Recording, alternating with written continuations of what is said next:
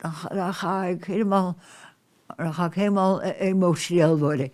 Dat vergeet je nooit. Als je vijf jaar lang uitgekeken hebt naar, eh, naar de bevrijding, dan zijn eh, de vliegtuigen, de Engelse vliegtuigen die overkomen, die geven je zoveel emoties. Hè? En dan gaat het niet om het eten wat uitgeworpen, maar de bevrijding, de bevrijding.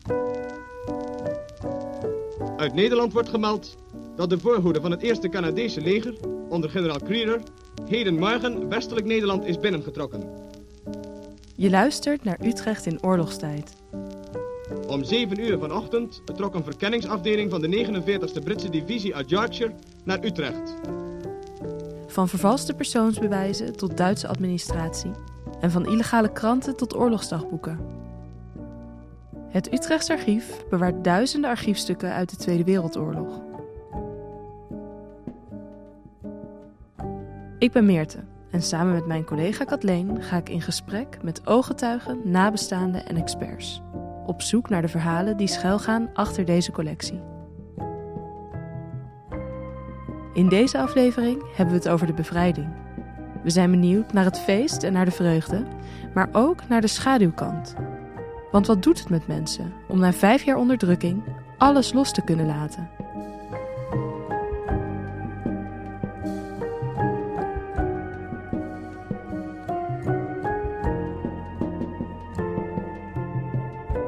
Kathleen en ik gaan terug naar de mensen met wie we deze podcast ook begonnen.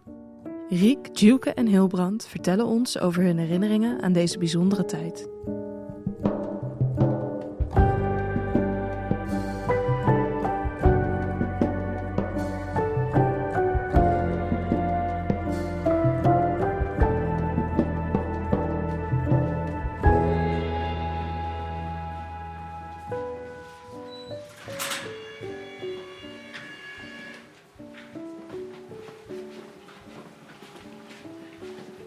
Oké, Meerte, ik ben heel enthousiast. Want dit We gaan is, naar jouw allerfavorietste archief. Ja, dit is, ja, dat kan je eigenlijk wel zeggen. Ja, dit is misschien wel het meest leuke... Nou ja, voor mij persoonlijk het meest leuke archief wat we hier in huis hebben.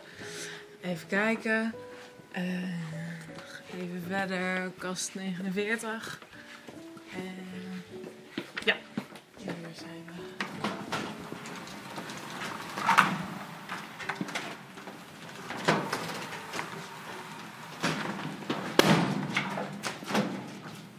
Ja, dat passen we door. Altijd even goed zoeken. Want dit is het Meerte. Tadaa. Het Entertainment Comité. Precies. Jij kijkt hier al de hele podcast naar uit. Ja, en dit zijn drie doosjes. En ik moet even deze erbij pakken. Ja, want het entertainmentcomité, ehm het zegt het al een beetje.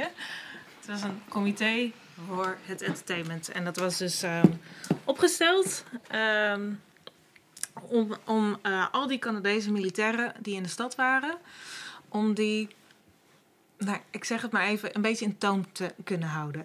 Want er was heel veel plezier. Iedereen was heel erg uitbundig met elkaar bezig. En dat zagen de ouderen enigszins. En die maakten zich echt zorgen over wat gaat er met onze jeugd De gebeuren. moraliteit van de jeugd. Precies. Kwam in het gevaar. Dus werd er in eh, juni 1945 ehm, het entertainmentcomité opgericht. Dat was samen met de burgemeester ook. En wat ik je even wil laten zien is, we hebben dus allemaal notules van vergaderingen, hoe dat dan ging. Waar je dus de burgemeester inderdaad hoort eh, zeggen van, eh, nou, het, het moet wel echt allemaal ehm, ehm, in zodanige banen worden geleid. Dat er geen nou ja, foute dingen kunnen gebeuren.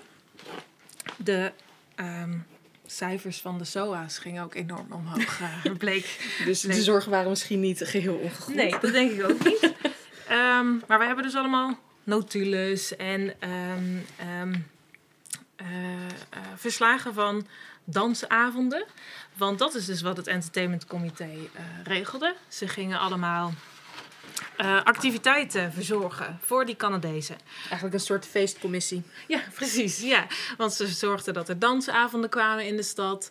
Dat er schaakwedstrijden werden gehouden. Ik heb hier bijvoorbeeld een, ehm, een, een brochure. Dus eh, die werd Met de dom op de voorkant. Uiteraard. En hier staat ECN. En dan daaronder het wapen van Utrecht. En het is dan dus Entertainment Comité Netherlands. Want het was niet alleen in Utrecht, maar het was ehm, overal in het land. Nou, en dan heb je hier dus een brochure. Wat wil het ECN? Het wil eh den geallieerde militairen, zolang zij nog in onze stad blijven, door het verschaffen van goede en behoorlijke ontspanning in aangename tijd bezorgen. Het beoogt daarmee de enerzijds uiting te geven aan het gevoel van dankbaarheid dat ons Nederlands jegens onze bondgenoten bezielt, en anderzijds ongewenste en aanstootgevende vormen van vermaak zoveel mogelijk tegen te gaan. En dit is dus echt een brochure, eigenlijk ook een beetje voor ouders, om dus eh, hun dochters en, en zoons eh, nou ja, het doel van het entertainmentcomité duidelijk te maken. Eh, met allemaal leuke tekeningetjes dus erbij. En dit was dan zo'n brochure, ook weer met die domtoren erbovenop, die dan werd uitgedeeld in de stad. Dus ehm, Oh, dit ja. is In het Engels ook, deze is echt voor de Canadezen bedoeld. Ja, dus. hier staat What's Doing in Utrecht. en, Ze hadden eh, nog niet een professionele vertaling in Dat dienst. denk ik niet, nee. Dan heb je hier dus gewoon echt een programmaatje van... ehm, even kijken. Nou, je hebt hier concerten. In de Nicolaikerk bijvoorbeeld. Op de, dicht bij de Twijnstraat of de Pieterskerk. Eh bioscopen. De Rembrandt-bioscopen stond toen al. Kennen we City, kennen we ook. Precies. En dan kon je de film There is Magic in Music bekijken. Eh, museum. Ze hadden bijvoorbeeld ook het entertainmentcomité had geregeld dat ze eh, dat de Canadese militairen gratis de Domtoren op mochten en ook gratis het Centraal Museum in mochten, in mochten gaan. En wat ik zei, schaakwedstrijden, sportwedstrijden. Ze organiseerden van alles. En hier zie je ook dat het, nou ja, dit is in september. Ehm, Dus dan zijn we al wat maandjes verder. dus het was ook echt nodig. Want die jongens verveelden zich natuurlijk. Ja, die zaten maandenlang hier in Utrecht te zitten Precies. voordat ze naar huis konden. Ja. En eh, even kijken. Dit is een verzameling van allemaal brochures en wat ze dan deden. En er is één iets wat ik je heel graag wil laten zien. Dat is een soort opzetje voor zo'n brochu- brochure. En even kijken.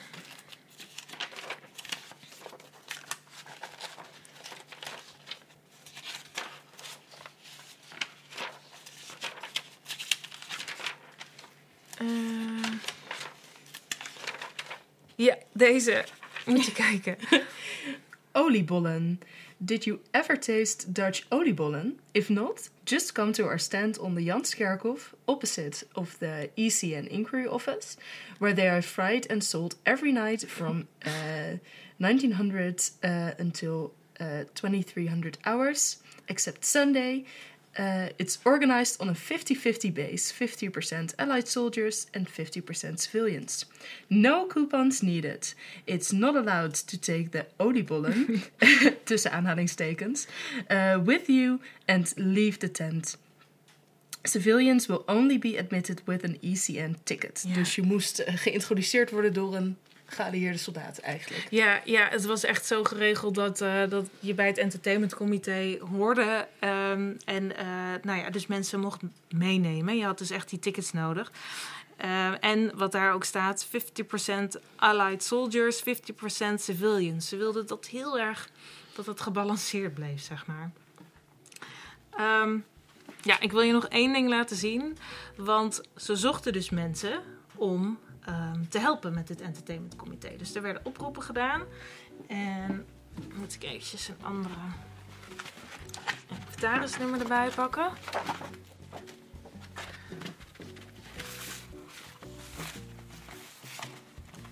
Zo. Ehm, ja. Dit is ook ontzettend leuk. En mensen kunnen hier ook op, eh, op zoeken. Want we hebben het nader ontsloten. Dus de mensen die hierin voorkomen, hebben, nou, die kan je terugvinden op onze website. En wat we hier zien zijn aanmeldingsformulieren voor het entertainmentcomité. Ah. Dus dat zijn weer standaard formuliertjes waar je een paar gegevens moest invullen. Eh, nou, naam, eh, adres, geboortedatum. Het waren vaak jonge mensen. Deze dame die komt uit 1928. Scholier. Ja, die waren natuurlijk zelf ook op zoek naar uh, entertainment. Een beetje vermaak in de zomer, ja, dat denk ik wel. En dan heb je dus hier van die standaard vragen. Um, in welke vorm wenst u medewerking te verlenen? A. Als medewerker. B. Wenst u in de door ons opgestelde gelegenheden te dansen? En dan moesten ze dus invullen ja of nee. Deze mevrouw zegt ja. Die denkt ja. Wenst u deel te nemen aan rondleidingen? Ja. Jazeker. Uh, welke takken van sport zou u met de geallieerde militairen willen beoefenen? En dan, dan geven ze wat voorbeelden en zij schrijft op. Dammen. Dammen, ja. en dan uh, nou, kan je een beetje Engels praten. Uh, en dan zegt ze ook, zover ben ik nog niet met mijn Engels. Het is echt, het zijn hele leuke formulieren wat mensen, nou geven dus aan hoe ze in contact willen komen met die, met die Canadezen en hoe ze willen helpen.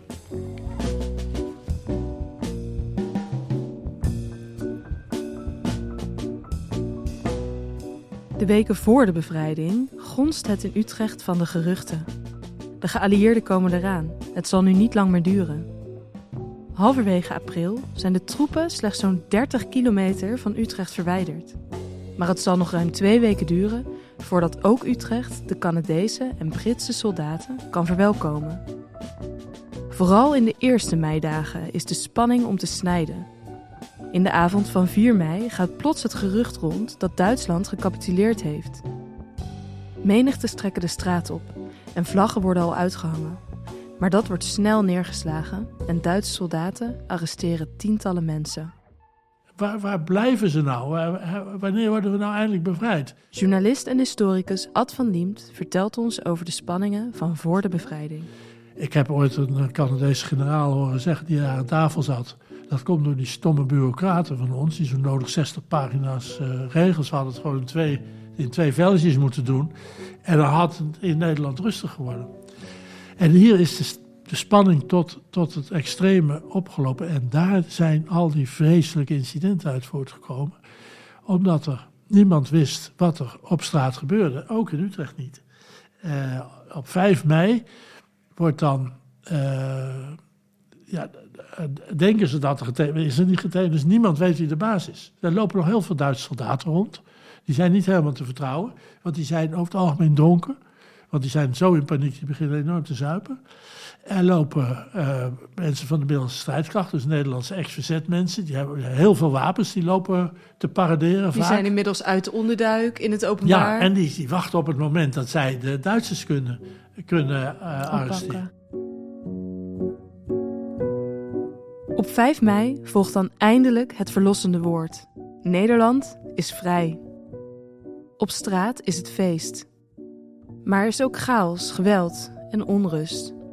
De Duitse soldaten lopen nog vrij rond. Het verzet komt uit de schaduw. En de bevrijder? Die laat nog enkele dagen op zich wachten.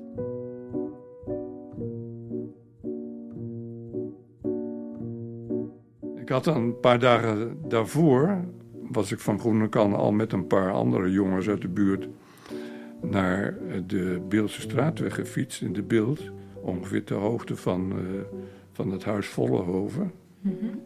Als dat je wat zegt. Ja. En uh, daar hebben we een dag lang in het gras gelegen. was mooi weer gelukkig. Om de intocht van de Canadezen af te wachten, maar ze kwamen niet. U wist dus wel dat ze zouden gaan komen? En we wisten dat ze zouden komen. En het gerucht was dat ze die dag zouden komen. Maar het is een paar keer is dat uitgesteld. Ja. Dat, ah, ja. ja. En daar wacht u een beetje op. Van wanneer komen ze nou eindelijk? wanneer komen ze nou eindelijk? Ja.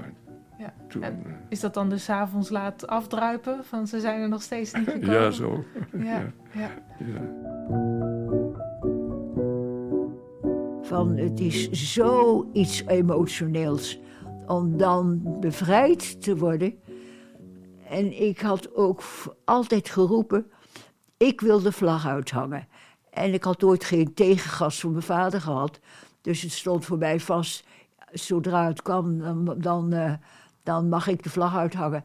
Maar toen het moment daar was uh, dat we op de radio dan hoorden dat we bevrijd waren toen holde ik al naar boven om de vlag. Toen zei mijn vader niks ervan. Toen was mijn vader zo boos. Hij zei: um, We wachten eerst af totdat je officieel bevrijd bent. Want En hij had gelijk, want toen ik beneden was, kon ik natuurlijk toch weer niet binnen blijven. En toen zag ik dat bij de, hier op de hoek van de, van de uh, Jacob Ruizenstraat, dat de zustertjes van het ziekenhuis in een grote kring met elkaar in de, in de kleding, in, gewoon in hun, hun witte jasschorten, ronddansten. Van pure vreugde. Maar iedereen is toen uh, in een hurry naar binnen gemoeten. Want uh, de Duitsers kwamen met, uh, met jeeps en toen waren die Duitsers boos. Nou ja, de, die zijn dan rond gaan rijden. En ze hadden me misschien wel doodgeschoten. Ja.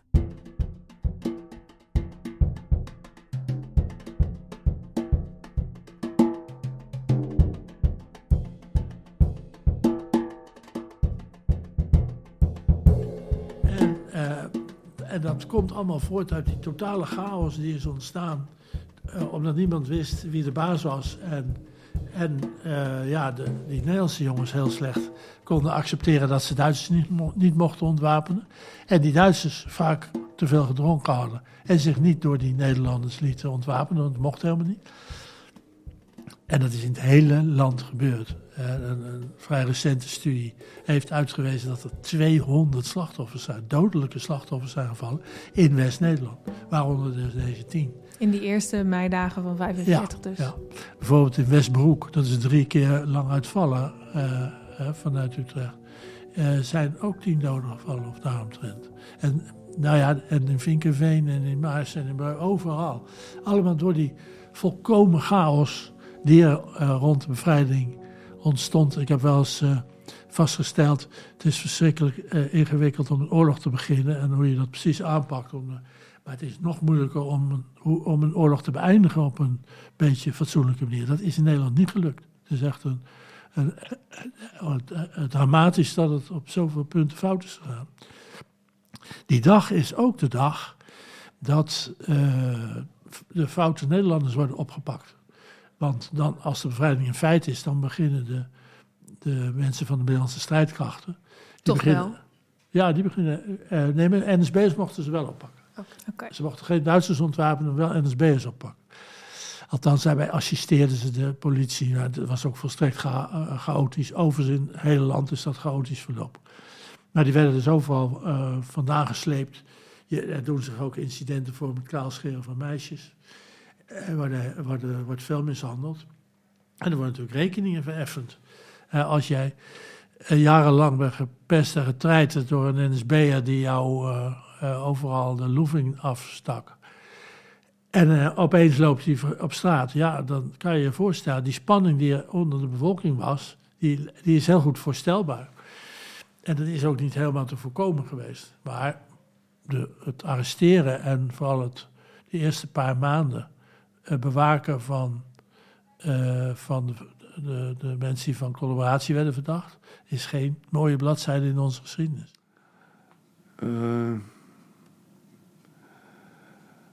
op de hoek van, uh, nee, de kop van de Voorstraat bij de Neude, tegenover waar vroeger een ijssalon was, en een apotheek De Liefde. Daar onmiddellijk na de bevrijding werden de vrouwen kaal geknipt. Die met de Duitsers hadden gehuld, zeiden we toen. En dat heeft u gezien? Dat heb ik gezien, ja, we bergen staan. Ik vond het verschrikkelijk. Ik kon het wel billiken, maar ik vond het ook verschrikkelijk. Ja. Begreep u waarom dat werd gedaan? Jazeker, ja. Ja, toen was ik elf. Toen, ja. toen snapte ik al wel heel veel. Ja. Maar het was akelig om te zien. Ja, het was heel akelig om te zien. Ja. En dat denk ik wel eens aan als ik daar langskom. Ja. En dat contrast tussen euforie, maar dan ook dat hele akelige van het kaalscheren van de vrouwen. Merkte u dat erg in de straten dus? Dat er aan de ene kant ontzettend veel blijdschap was, maar toch ook die wrok moet, moet dan aanwezig zijn geweest? Tja.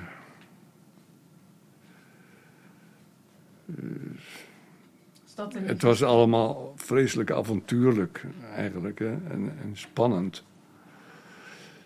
En over het hoe en waarom dacht je niet zo heel veel na. Dat, dat, dat kun je er later wel inleggen, maar dat, uh, dat zou toch niet. Uh, Op dat moment niet. Nee. Nee.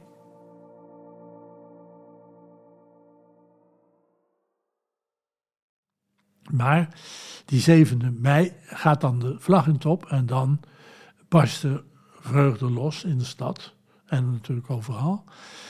En daarvan, ik heb daar filmbeelden ooit van gezien, die Amerikaanse uh, Canadese cameramensen hebben gemaakt. Dat geloof je gewoon niet. Er staan echt duizenden mensen langs de route. En die staan alleen maar te juichen en te springen en te zwaaien. En, dus, en dat, het grappige is, dat gebeurt eigenlijk in alle gemeenten van Nederland. Want, en hoe komt dat? Omdat iedereen die een fototoestel had of een filmtoestel, die heeft zijn laatste rolletje bewaard voor de grote dag.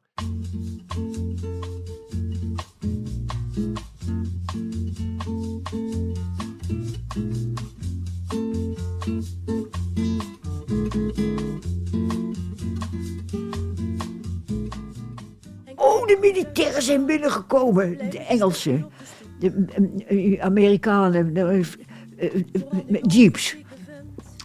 En wij wilden acuut naartoe. Ik wilde die jurk al aantrekken. En ik ben mijn fototoestelletje waarvan ik het, uh, het uh, rolletje uh, bewaard had. Ehm, ben ik naar de, de, naar de hier, naar de, de waterlinieweg gegaan. Dus daar kwamen de militairen allemaal aan. En en daar uh, kwam een hele groep mensen bij elkaar. Ja, dat kun je nog op de foto zien. Ja, die bekende plaatjes van, van tanks en, en, en, en panzerwagens met allemaal jongens en meisjes erop. En uh, helemaal volgeladen, volgepakt met mensen en juichen en, en, en vlaggen. En, nou ja, die Canadese militairen, die allemaal dik gearmd met, met die meisjes. Die dat was uh, buitengewoon. En hoe voelde u zich daarbij dan? Een klein jongetje.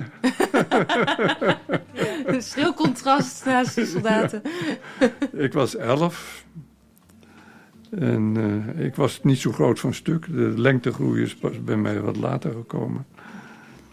En uh, ik dorst ook niet zoveel misschien. Ik weet het niet.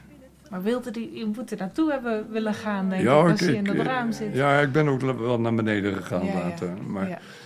tot mijn grote verdriet ben ik er niet in geslaagd om ook bovenop zo'n tank te komen. wel een poging tot gedaan.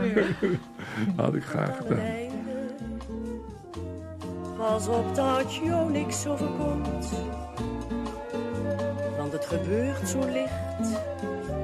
Pas op dat jij het niet bent die daar ligt.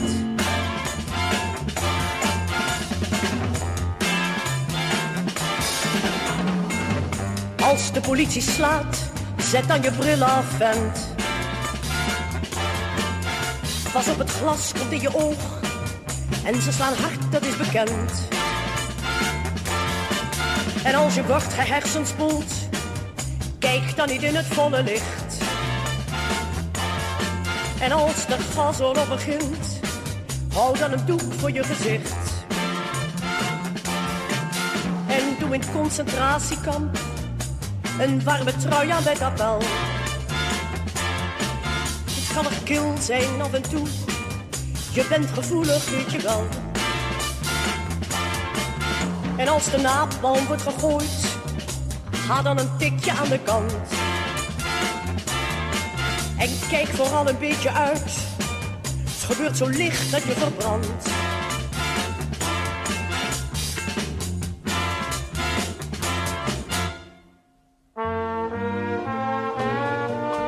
Nou, ik herinner me wel, er waren overal bevrijdingsfeesten.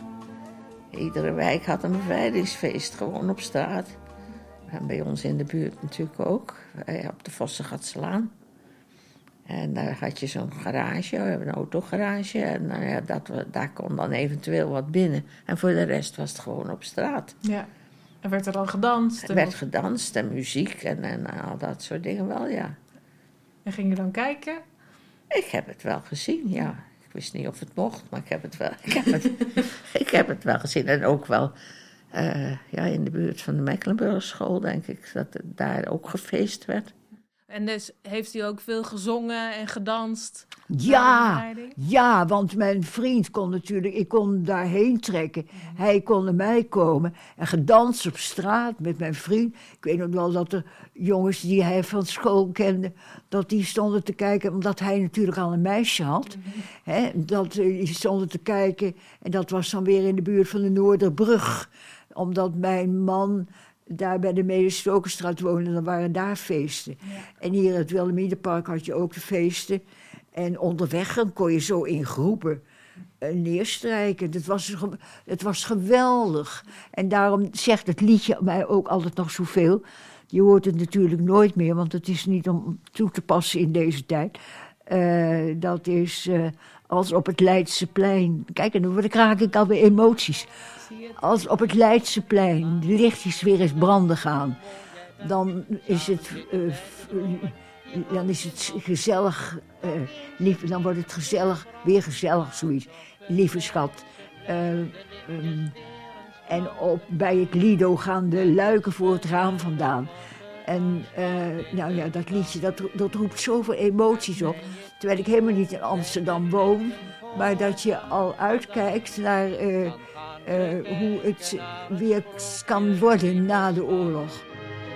Zo warm in arm, jij en ik, lachende naar alle komt als kinderen. Zo blij omdat het licht weer brandt.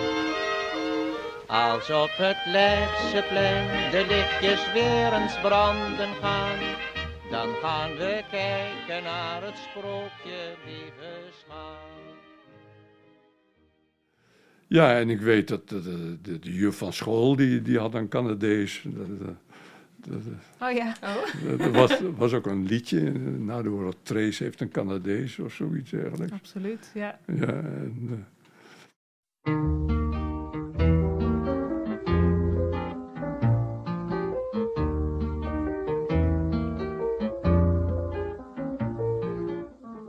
Why do you whisper green? Maar Het waren echt van die Amerikaanse eh, dingen die toen eh, gedraaid mochten worden. Hè? En dat hoorde je wel. En de- inderdaad, die grotere meiden, die dansten dan. En, eh, in die garage was dan... eh, daar hadden ze muziek en toestanden, maar ook op straat dan, daarbuiten ook natuurlijk. Who there long ago? De geallieerden komen Utrecht in over de Beeldstraat. Precies zoals de Duitsers vijf jaar eerder de stad inkwamen. Maar nu gaat de intrede gepaard met extase. Overal in de stad is het feest. Riek kan eindelijk weer dansen met haar vriend, die maanden ondergedoken heeft gezeten. Duke kijkt nieuwsgierig naar de feestjes waar de grote meiden naartoe gaan.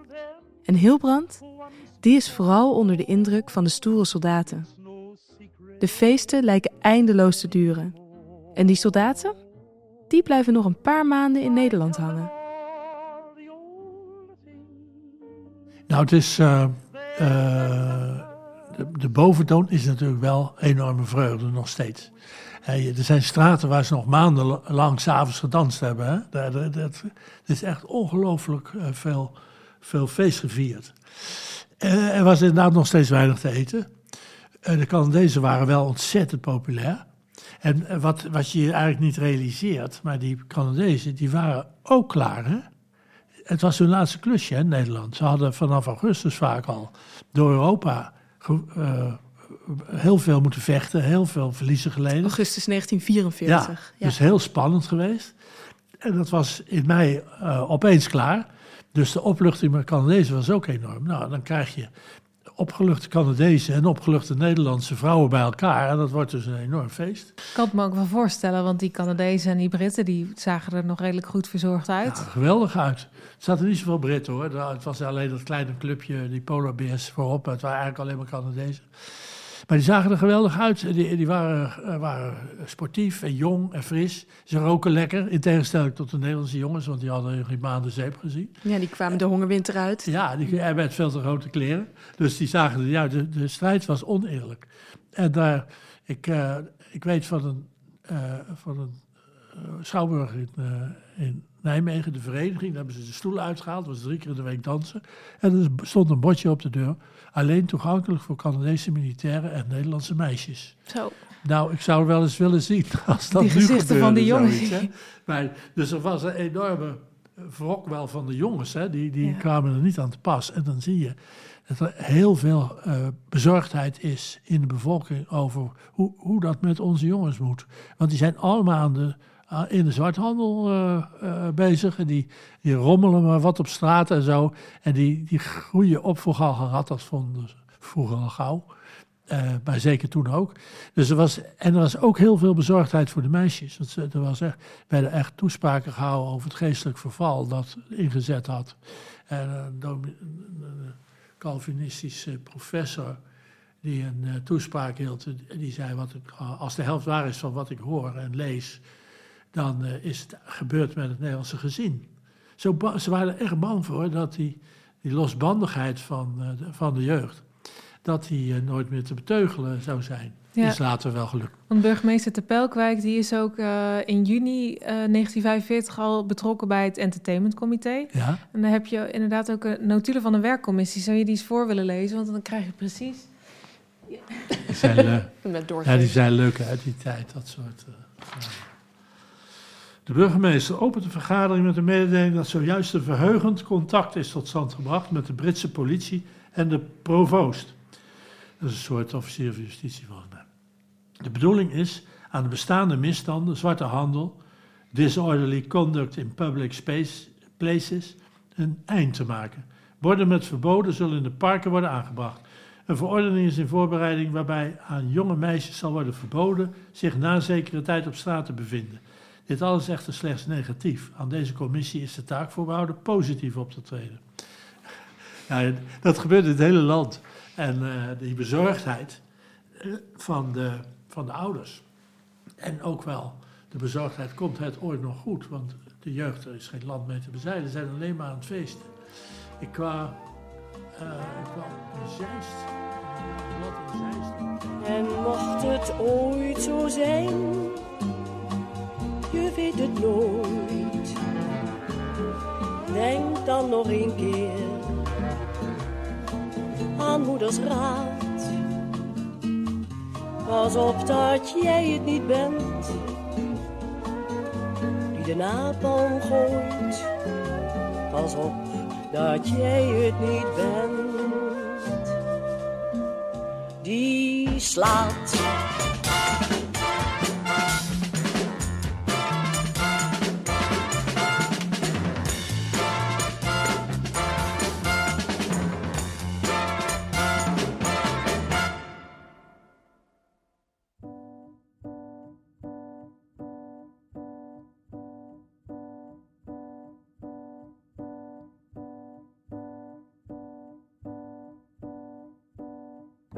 Na vijf lange jaren heeft Nederland zijn vrijheid terug. Toch gaan we nog een aantal zware jaren tegemoet. Het land komt uit een dramatische hongerwinter en de schaarste is nog altijd groot. Er is woede naar de nazi's en vooral naar de Nederlanders die met de Duitsers samengewerkt hebben. Nederland moet gezuiverd worden.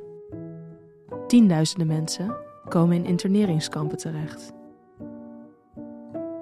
Ruim 100.000 Nederlandse Joden hebben de oorlog niet overleefd. En naast hen zijn in Nederland en in de rest van Europa nog vele andere groepen systematisch vervolgd en vermoord. Zoals de Roma en de Sinti, homoseksuelen, mensen met een geestelijke of lichamelijke beperking en politieke dissidenten.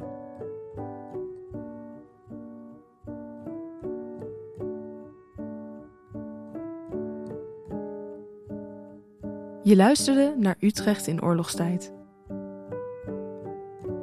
In deze podcast gingen Kathleen en ik op zoek naar de verhalen achter de collectie van het Utrechtsarchief. Dit was de laatste aflevering van de serie. Maar aan de hand van de bronnen in ons archief zijn nog veel meer verhalen te vertellen. Wil je zelf aan de slag? Neem dan een kijkje op de pagina Tweede Wereldoorlog op onze website. Vond je deze podcast interessant? Laat dan een review achter in je podcast-app en laat het ons weten.